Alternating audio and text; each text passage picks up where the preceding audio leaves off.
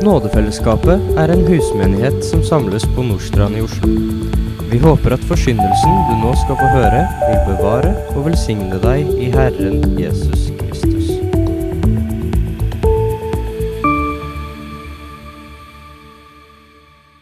Kjære Herre, må du eh, tale til oss. Må det være ditt ord, uforfalska, rent og rett, som blir sagt i dag. Må det bli til velsignelse for oss i Jesu navn. Amen. Palmesøndag det er en profetisk dag. Det er en dag som vitner om den største glede eh, og egentlig den største ulykke samtidig. Palmesøndag den oppfyller profetier, og så profeterer den selv om en dag som jeg tror snart vil komme. Og Denne dagen den vitner om en tilstand som jeg tror er et frampek på den tilstanden i verden slik den jeg opplever den begynner å bli, og i hvert fall slik den vil bli. Og så var denne dagen helt nødvendig. Eh, den måtte skje akkurat slik for at Guds plan skulle fullendes. Og den er også et frampek på noe som vil være helt nødvendig i framtida. Om Gud ikke altså skal ende opp som en løgner. Så er det en dag som veldig tydelig skiller dem som ser og er seende, fra dem som er blinde. Det skiller de som kan gå inn gjennom portene med lovsang, og de som ikke kjenner sin besøkelsestid.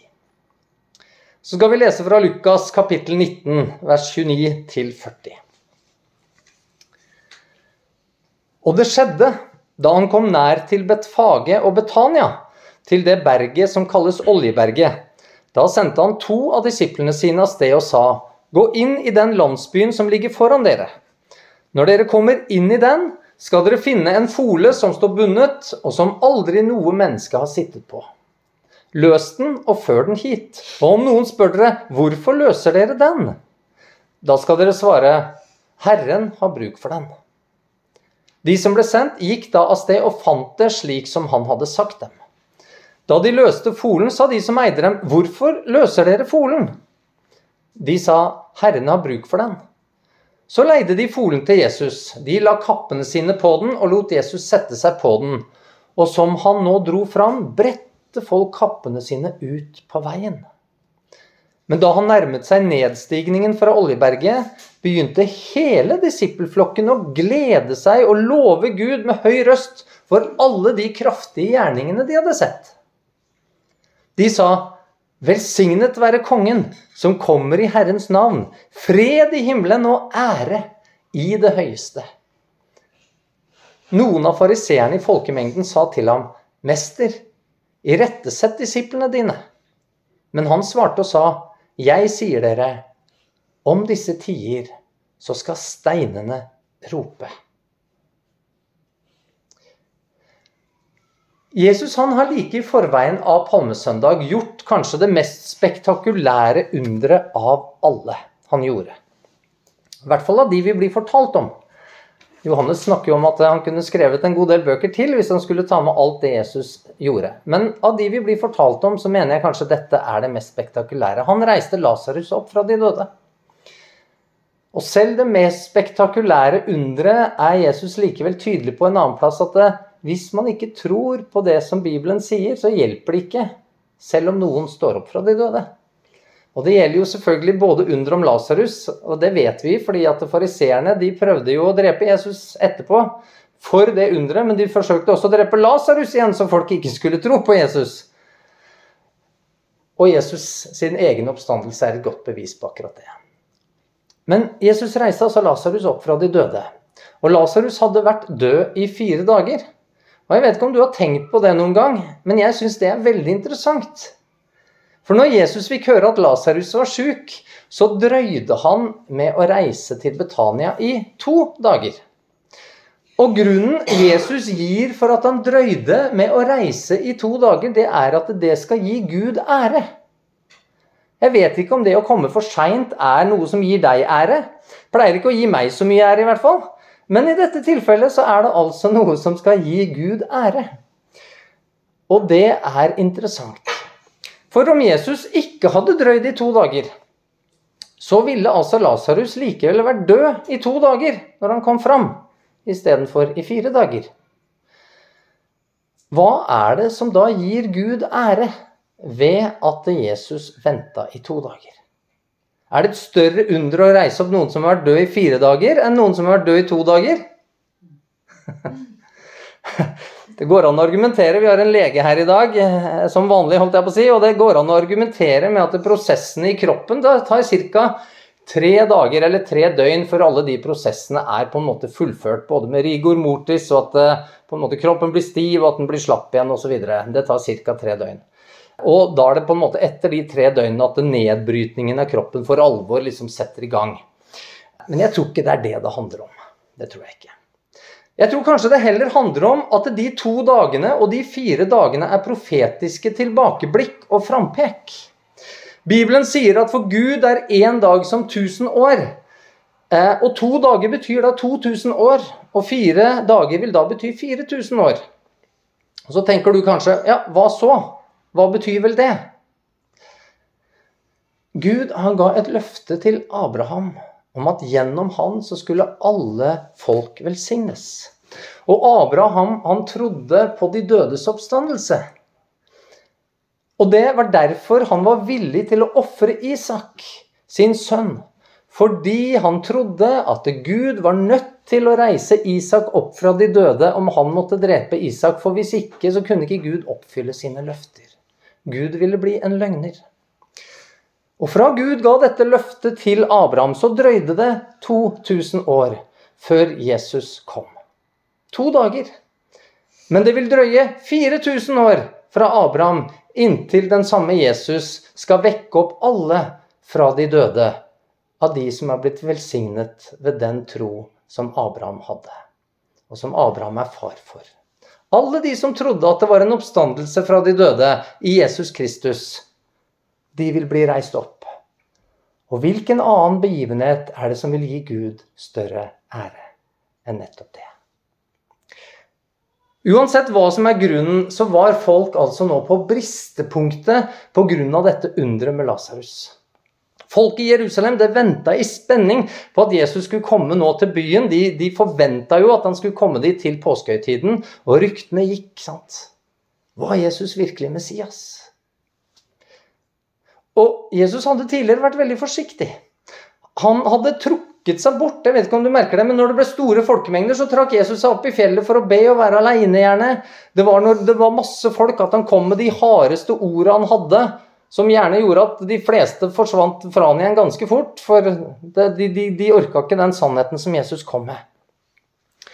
Men akkurat denne dagen så er det altså ikke Jesus som legger noen demper på disse forventningene. Tidligere så hadde folket prøvd å gjøre han til konge med makt, kan vi lese. Og da hadde Jesus bare skygga banen, for å bruke et moderne uttrykk. Men her så gjør Jesus noe annet. Han ba disiplene finne en eselfole han skulle ri på inn til Jerusalem. Og det gjorde jo Jesus for å oppfylle en profeti fra Zakaria 9,9, der det står Rop med fryd, datter Sion.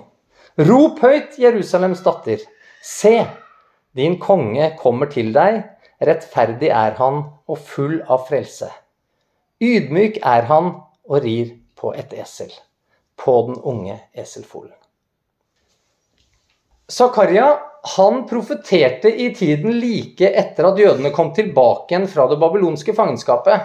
Det er altså over 500 år før Jesus kom, og Israel hadde ikke noen konge på denne tida som Zakaria levde. Og de har ikke hatt noen konge siden. Den siste kongen den, han ble jo avsatt når Babylon inntok og ødela Jerusalem, over 600 år før denne dagen når Jesus red inn i Jerusalem. Og På den måten så skjønner vi at det er egentlig ikke noen tvil om hvilke konge det er Zakaria profeterte om. Det måtte være Messias. Den kongen som skulle være full av frelse. Og alle menneskene som gikk med Jesus denne dagen mot Jerusalem, de begynte å si akkurat det. De sa da i Matteus, så står det på denne måten, de sa Hosianna, Davids sønn. Og Markus forteller at folk sa 'Velsignet være vår far Davids rike som kommer'. Altså nå kommer kongeriket, bokstavelig talt ridende inn i byen. Og enten disse menneskene forsto det eller ikke, ikke, så ropte de altså egentlig ut at Jesus var Messias. Det var det de gjorde. Og dette blir enda mer tydelig når vi leser hva Jesus spurte fariseerne om allerede dagen etterpå. For da spør Jesus fariseerne, hva mener dere om Messias? Hvem er han sønn av? Og de svarte, av David. Så fariseerne visste dette veldig godt. Når folket ropte på Davids sønn her som Jesus, så var det veldig tydelig hva de sa om Jesus. Så står det i Johannes 12, 13. Da tok de palmegreiner og gikk ut for å møte han, og de ropte Hosianna! Velsignet være Han som kommer i Herrens navn, Israels konge. Det er jo veldig tydelig. Det at folket tok palmegreiner, det er jo, det er jo ikke noe tilfeldig, selvsagt. Eh, for det første, de hadde jo ikke flagg og bannere, sånn som vi gjerne ville tatt. da. I, i, jeg husker når jeg var i Peru, så hadde de sånne oppblåsbare fingre som var et par meter høye, som du kunne stå liksom og få en skikkelig lang finger med for å liksom eh, Ja, for å heie på det du ville, da. Eh, og de hadde jo ikke så mye reklameeffekter og ballonger og sånn på Jesus sin tid, sånn at de tok det de hadde for hånden, da. Og det var jo da palmegrener i dette tilfellet. Men det er altså interessant mer enn det eh, med disse greinene som da gir denne dagen navn. For i første kongebok 629 så kan vi lese om Salomos tempel. Og der står det alle veggene i huset prydet han med utskårne bilder av kjeruber og palmer. Og utsprungne blomster både i det indre og i det ytre rommet. Alle veggene i tempelet var altså pyntet med palmetrær. Jeg vet ikke om du har tenkt over det? Men tilbedelse av Gud var altså veldig nært knytta til nettopp palmene og palmegreiner. Og I Jannes åpenbaring 7,9 så står det Deretter så jeg og se en stor skare som ingen kunne telle av alle folkeslag og stammer og folk og tungemål. De sto for tronen og for lammet, kledd i lange, hvite kapper og med palmegreiner i sine hender. Også i framtida skal vi altså bruke palmegrener for å hylle Jesus. Og det som skjedde altså på palmesøndag, er egentlig bare et frampek på den virkelige hyllesten som skal komme av Jesus i framtida. Det synes ut som vi av en eller annen grunn ikke har reklameeffekter og ballonger eller noe sånt da heller. Jeg skjønner ikke. Men det kan altså tyde på at det Gud har lagd, er bedre å hylle Gud med enn det mennesker har lagd. Om vi skulle dra en liten konklusjon. Men det ironiske i alt dette her, det er at av alle de som burde forstå hva denne dagen dreide seg om, så er det en gruppe som ikke forsto det. Og det er disiplene. De klarte ikke å koble dette her imot det som Zakaria hadde skrevet om. Og det kan vi lese om i Johannes 12, 16. Der står det Dette skjønte ikke disiplene hans fra først av. Men da Jesus var blitt herliggjort, da mintes de at dette var skrevet om ham, og at de hadde gjort dette for han, altså henta dette eselet. Så disiplene er de som altså ikke skjønner noen ting av det som skjer. Og likevel altså, er de en del av feiringen og hyllesten. De som derimot absolutt skjønte hva som ble ropt av folket og av disiplene, det var fariseerne. Eh, folket de ropte 'Hosianna'. Og på hebraisk så kan du på en måte oversette det da med 'Herre, Frels oss. Herre, frels oss. Og så er det jo flott da at folket ropte at Jesus måtte frelse, er det ikke? Men hva var det folket ønska å bli frelst ifra? Det er et spørsmål som er viktig både da, og som er viktig nå. For de håpa at Jesus skulle frelse dem fra romerne, fra jordisk undertrykkelse, fra fattigdom, fra sult og at han skulle etablere et fritt Israel med egen konge i Davids tid, sånn som det var da, når David regjerte. Og så er jo ikke det rart i det hele tatt.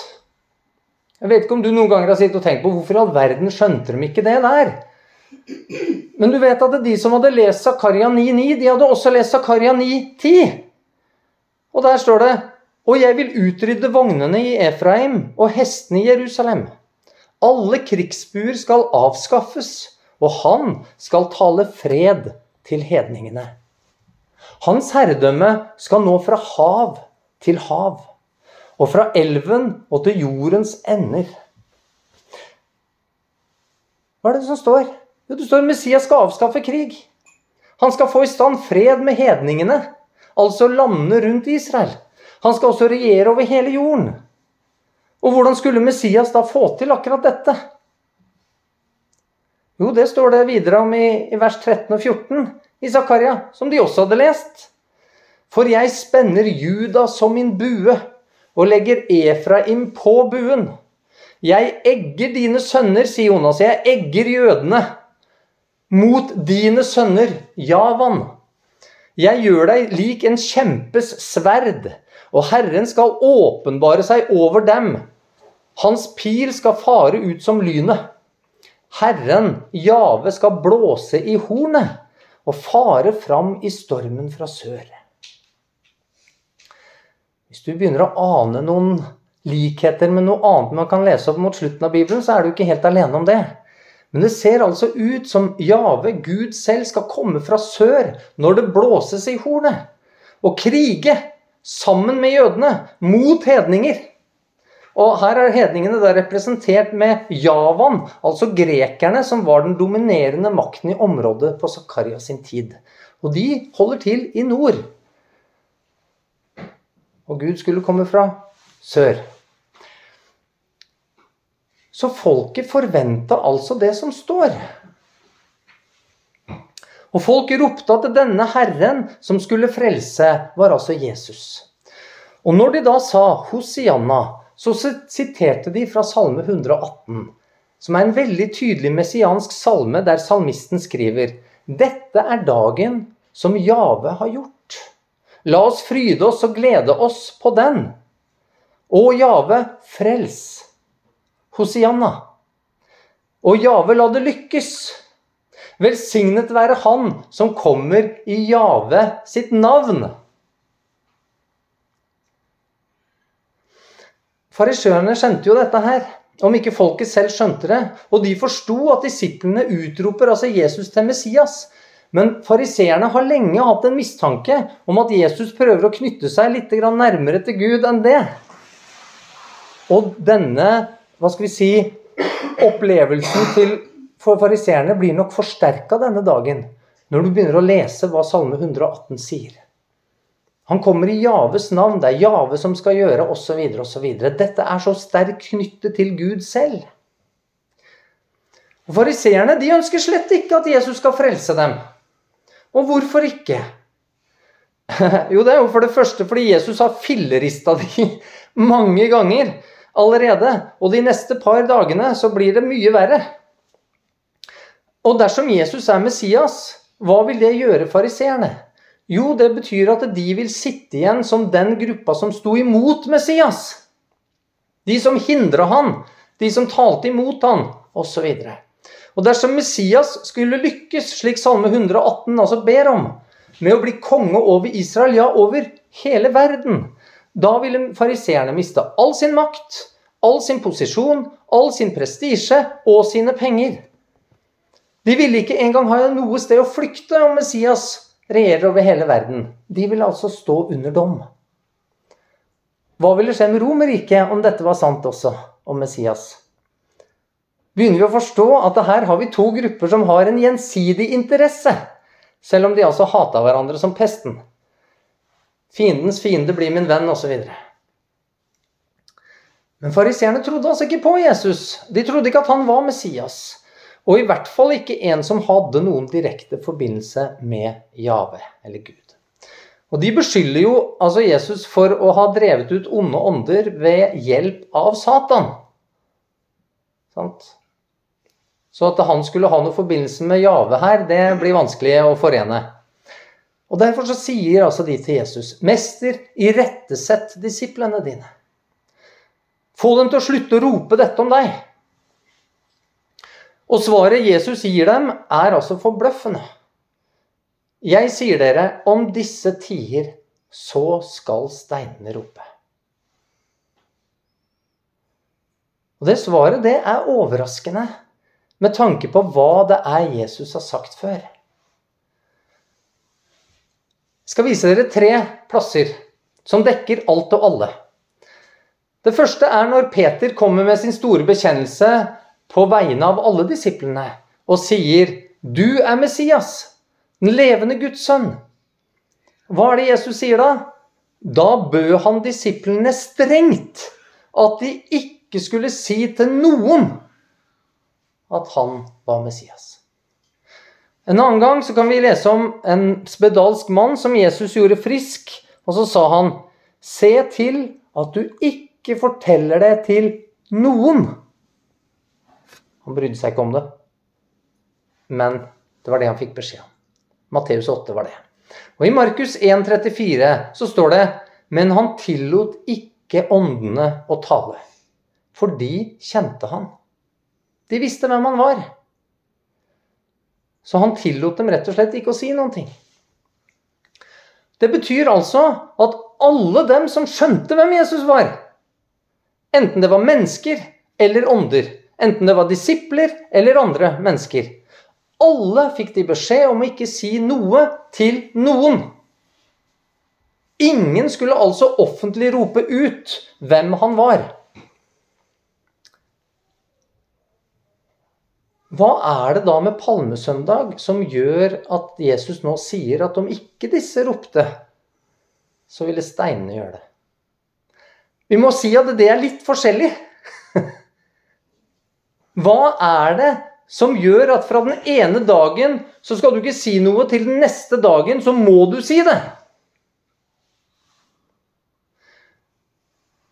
Jo, vi må til Daniels bok for å forstå grunnen for det. Og vi skal ikke, og vi har definitivt ikke tid til noen noe grei eller grundig utleggelse av Daniel her, men der står det i kapittel 9 70 uker er fastsatt for ditt folk og for din hellige by til å innelukke overtredelsen, til å gjøre slutt på syndene, til å gjøre soning for misgjerning, til å føre fram evig rettferdighet, til å besegle syn og profet, og til å salve det aller helligste. Det er engelen Gabriel som taler med profeten Daniel her. Og Daniel han er over 80 år gammel på dette tidspunktet. Og han holder på å be om frelse for Israel frelse ut av fangenskapet i Babylon. Men så er det altså en helt annen frelse som Gabriel forteller ham om.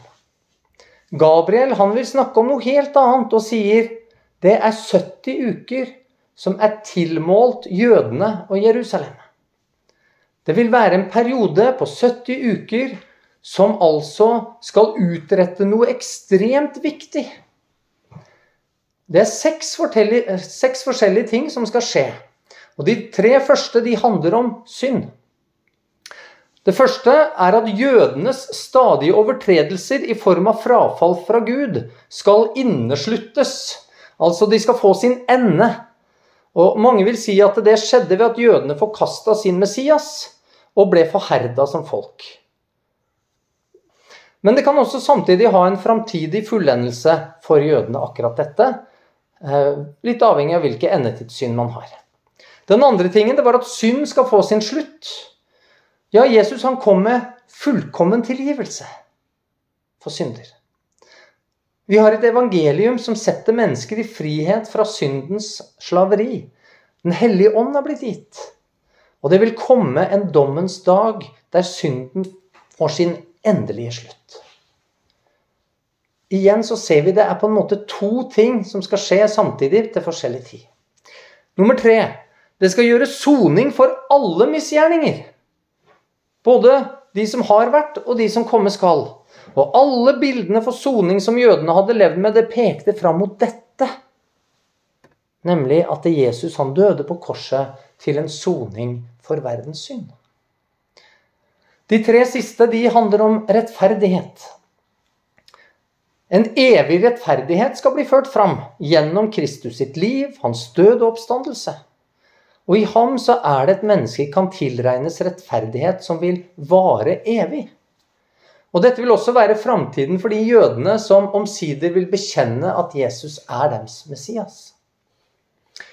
Loven og profetene skal oppfylles i Jesus Kristus. Jesus sier i bergprekenen, som vi har jo gått gjennom, at han vil oppfylle det fullkomment. Og I tillegg så vil det altså ikke behøves nye syn og profetier. For Guds åpenbaring om frelse til mennesker fikk altså sin beseiling. Sammen med Det gamle testamentet så gjorde Det nye testamentet at det er ikke behov for noe mer åpenbaring. Den er beseila, den er slutt, den er ferdig. Og Så vil noen si at det sjette og siste punktet det er en salving av Jesus selv, som den aller helligste. Mens andre vil si at det er en fremtidig salving av det aller helligste i det tempelet som skal stå i tusenårsriket, kanskje det evige tempelet. Og kanskje er det som i disse andre punktene her en dobbel sannhet også i dette. Men disse seks tingene er frelseshistoriens viktigste begivenheter. Og de skal altså alle skje i løpet av 70 uker som alle vil omhandle spesifikt jødene og Jerusalem. Og ut fra tredje Mosebok, der man snakker om uker i form av år, så er det det samme prinsippet vi møter her i Daniels bok.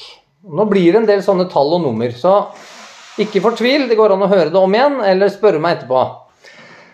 Eh, men det er altså snakk om 70 uker av år. Og en uke, det er altså syv år i, denne, i dette tilfellet. Så da, altså, de 70 ukene gjelder altså en periode som er 70 ganger 7, altså 490 år. Og I løpet av disse 490 årene så skal alle disse seks punktene fullendes. De skal oppfylles. Det er hovedpoenget for Gabriel å fortelle.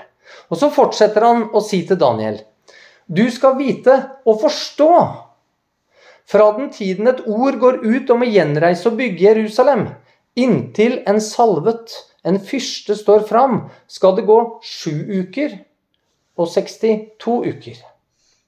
Det skal igjen settes i stand og bygges opp med gater og vollgraver, men under tidenes trengsel. I Gamletestamentet er det ganske mange profetier som er slik at profeten forsto ikke hva han skrev ned. Eh, noen ganger så kommer det veldig tydelig fram. Profeten spør 'hjelp meg å forstå', dette skjønner jeg ikke. Andre ganger så får han omtrent beskjed om at 'dette forstår du ikke nå, men du skal forstå det', eh, osv. Det er mange av de. Men dette er ikke en av de plassene.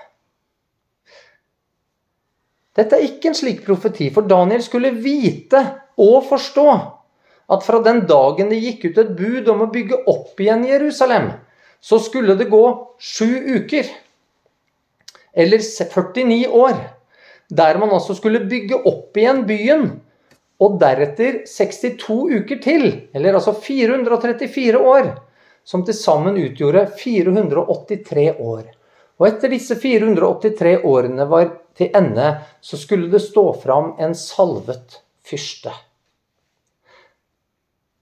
Kong Kyros han ga bud om at jødene kunne vende hjem og bygge opp tempelet i år 534 før Kristus. Eh, og For deg som er litt rask i hoderegning nå, så skjønner du at 539 og 434 Da befinner vi oss en plass ganske lenge før Jesu fødsel. Så betyr det at vi har et problem? Nei, altså profetien den handler jo ikke om at tempelet skulle gjenoppbygges, eller at folket kunne vende tilbake igjen. Men den spesifiserer at det er et bud som går ut om at selve byen skulle bygges opp igjen med hva for noe? Jo, med gater og vollgraver. Og da gjerne en mur. Hvis du er noe særlig vits i en vollgrav, så bør du ha en mur. Og det budet det gikk ut fra kong Artaserkses i år 445 før Kristus. Og når man, Vi har ikke tid til å gå gjennom dette nå, men når du beregner forskjeller i kalender og dager i år osv., så, videre, så vil oppfyllelsen av dette stemme med år 30 etter Kristus. Prester og konger var de som ble salva til tjeneste i Bibelen.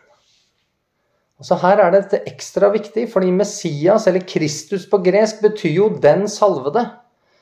Og Daniel han får altså en profeti som sier nøyaktig når Messias skulle stå fram. Sier han når Messias skulle komme? Sier han når han skulle bli født? Sier det når han gikk rundt på jorda? Nei, det står 'når han skulle stå fram'. Hva er det Jesus har drevet på med hele tida? Ikke si det. Ikke si det! Ikke si det! Ikke si det til noen! Om du har forstått det, så må ingen andre få høre det. Litt merkelig, sant? Messias skulle ikke bli offentliggjort for alle inntil profetien sa at han skulle stå fram. Og Jesus han sier jo at han er kommet for å oppfylle loven og profetene sånn cirka. Eller var det fullkomment? Og det er også det han er med på å gjøre denne palmesøndagen. Fullkomment. Messias står fram, og om ikke disiplene ropte det ut, så ville selv steinene ha gjort det. For akkurat denne dagen så var det at denne profetien måtte oppfylles. Han skulle stå fram. Og Så skriver Lukas videre. Da han kom nær og så byen, gråt han over den og sa:" Visste også du, om enn først på denne dag, altså om ikke annet enn selv i dag Om du ikke har skjønt det før, så i hvert fall i dag. Hva som tjener til din fred. Men nå er det skjult for dine øyne. For dager skal komme over deg, da fiendene dine kaster en vold opp omkring deg, og de skal omringe deg og trenge deg fra alle kanter, og de skal slå deg til jorden og dine barn i deg. De skal ikke la stein bli tilbake på stein, fordi du ikke kjente din besøkelsestid.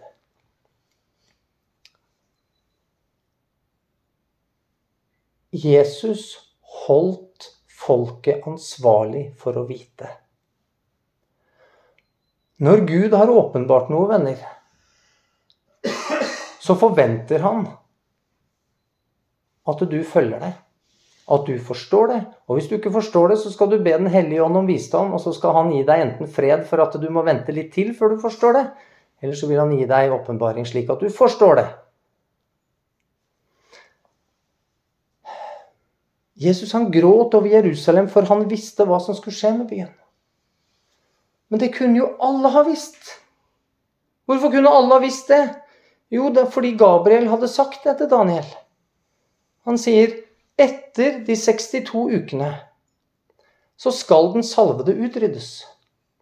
Og intet ha. Byen og helligdommen skal bli ødelagt av folket til en fyrste som kommer. Romerriket var ikke engang til på denne tida når dette ble skrevet. Det var jo medo-persiske riket som regjerte på denne tida. Men den fyrste som kommer, skulle ødelegge byen.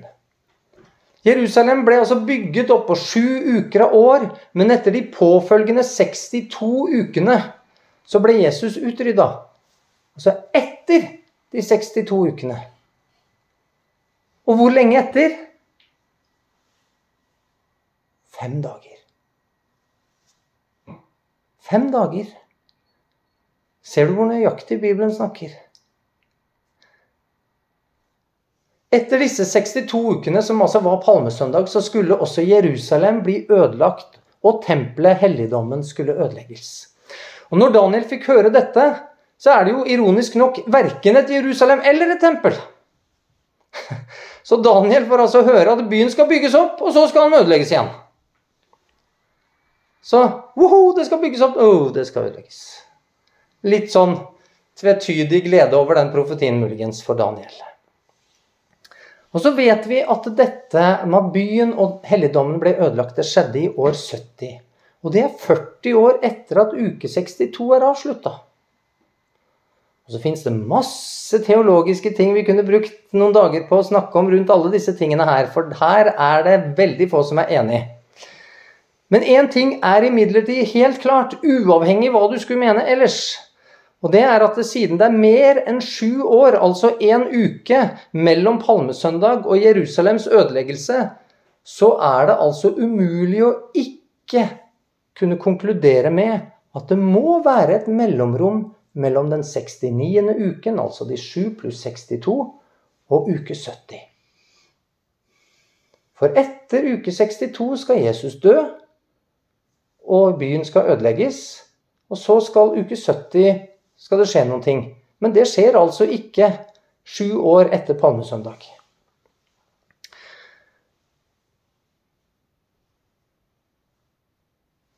Folket de hadde jo Daniel sin bok. De burde altså vite tiden for når den salvede kongen skulle tre fram. De burde ha kjent sin besøkelsestid, som Jesus altså holder de ansvarlig for at de skulle ha kjent. Jesus sier at det var skjult for folkets øyne. Det var skjult for folkets øyne. Og det er jo ikke veldig vanskelig å vite hvem sitt ansvar det var. Det var folkets lærere, selvfølgelig. Det var de skriftlærde, fariseerne, prestene sin skyld. Og Jesus han gråter over Jerusalem, for han visste at byen ville ødelegges. Og så regner man altså med at oppimot 1,5 millioner ble drept når Jerusalem ble inntatt. Når de romerske legionene som omringa byen, storma byen, så var det et blodbad uten like. Og Jesus sier den direkte årsaken til denne katastrofen var at de ikke erkjente at han var Messias. At ikke han var deres frelser. Fordi folket som vi har sett på, de forventa jo en frelse fra jordiske forhold. Og den enorme forventningen Bare tenk dere, hvis du sjøl levde slik, i undertrykkelse og fattigdom, okkupert, hvilken enorm forventning du ville hatt til å bli frigjort fra det. Denne enorme forventningen på palmesøndag blir altså på få dager fullstendig ødelagt. Og hvem er det som ødelegger det? Jo, det er Jesus selv. Han fullstendig tilintetgjør ethvert håp om at han skal oppfylle det som de går og forventer at han skal. Han har ikke tenkt å krige mot romerne og bli deres konge. Og dermed så tenkte altså alle folket at hm, dette stemmer ikke med Zakaria sin profeti. Og så opplevde de at nei, Jesus han kan jo ikke være Messias. Men han har jo gitt seg ut for å være det. Han rei jo inn her på et esel. Hvorfor i alle dager gjorde han det, hvis han ikke er det? Skjønner du at det går an å bli sinna? Jeg er lurt. Han lurte meg. Han ødela alt mitt håp. På få dager så gjør altså blir denne forventningen snudd til intenst hat. Og jeg vet ikke hvordan det er med deg, men det er ingenting som gjør meg mer skuffa og vonbråten enn forventninger som ikke blir oppfylt. Og sånn tror jeg det er for oss alle. Men det folk og presteskapet derimot ikke synes å ha forstått, det var at Bibelens profetier ofte snakker helt sammenhengende fra ene setningen til den neste om ting som skal skje på vidt forskjellige tidspunkt. Slik var det i Zakaria, og slik tror jeg det er i Daniel 9 også. Og Dette leder oss over til dagens siste punkt. Kjenner du din besøkelsestid? For vi har også i vår tid et presteskap og skriftlærere som ikke tror, og som ikke underviser folket rett. Vi er blitt et folk der sannheten er skjult for våre øyne, slik som det var for jødene på Jesus sin tid. Og dette holder på å lede oss inn i et tyranni, drevet av frykt for enhver brenning som bruser. Er måten Bibelen vil på en måte beskrevet det som. Og det er veldig talende, syns jeg. Det er altså jordiske ting som får mennesker så redd at vi er villige nå til å oppgi og gi bort vårt frihet fordi vi skal redde de tingene som Bibelen sier at vi ikke skal bekymre oss for. Ting som Gud har sagt 'Jeg har full kontroll på det'. Jeg har bevart det, og jeg skal opprettholde det til enden. Vi holder på å miste vår frihet fordi vi ikke er redd for det Bibelen sier som vi skal frykte. Nemlig frykte Gud. Lytte til Hans ord. Frykte synden. Vi er et folk som har gjort det rette galt, og det gale rett. Og det er også mange kristne, helt sikkert, er jeg redd, kommer til å rope Hosianna for han som skal stå fram og si han skal frelse oss. Som skal redde oss fra klima, fra økonomiske forskjeller, fra sykdom, og fra alderdom og fra krig. En frelser som var akkurat slik som jødene ironisk nok lengta etter. Og så har vi ikke lært noen ting av historien. Og det stemmer jo, for det eneste vi lærer av historien, er at vi lærer ingenting av historien. Og dette, venner, det er en falsk frelse som vil komme. Men det er altså ikke frelse i noen annen enn i Jesus Kristus. Det er han som oppfyller profetiene fra Daniel 9. Det er han som sto fram nettopp på palmesøndag, og som sto opp som vår frelser. Det er gjennom hans liv, død og oppstandelse at han frelser oss fra synden og frelser oss fra det å bomme på målet. For det som er målet for livet. Han, er, han er den eneste som kommer til å innføre en fullkommen rettferdighet som skal vare for evig tid. Jeg skjønner ikke hva mennesker egentlig går og, og lengter etter i en frelse for denne verden. Fordi alle lovene om denne verden viser at denne verden kommer til å gå til grunne. Fins ikke én naturlov som, som, noensinne viser noe annet at det, enn at det kommer til å gå i stykker, alt sammen. Men denne frelseren, han frelser med en rettferdighet som aldri skal ta slutt. En evig rettferdighet for hver den som tror på ham så er det altså ikke frelse i noe annet. Du trenger ikke frelse fra noe annet. Og Paulus han skriver det så vakkert, syns jeg, i Romerne 8,38 slik. For jeg er viss på at verken død eller liv, verken engler eller krefter, verken det som nå er, eller det som kommer, kanskje i nærmeste framtid, eller noen makt, verken høyde eller dybde, eller noe annen skapning skal kunne skille oss fra Guds kjærlighet i Messias, Jesus, vår Herre. Om du ikke har funnet din hvile i ham, så ber jeg deg innstendig om at du vil kjenne din besøkelsestid. Du som hører på dette. At du gir ham ditt liv i dag. Og så kan vi få lov til å si Hosianna, Jesus. Gi oss den sanne frelse.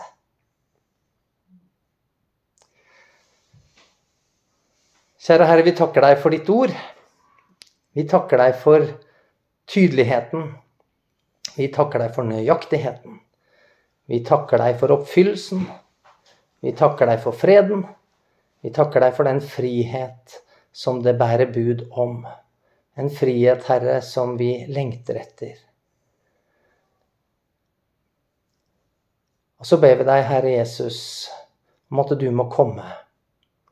Og at vi kunne få lov til å være blant de som går inn gjennom dine porter med takk og med jubelsang. Amen.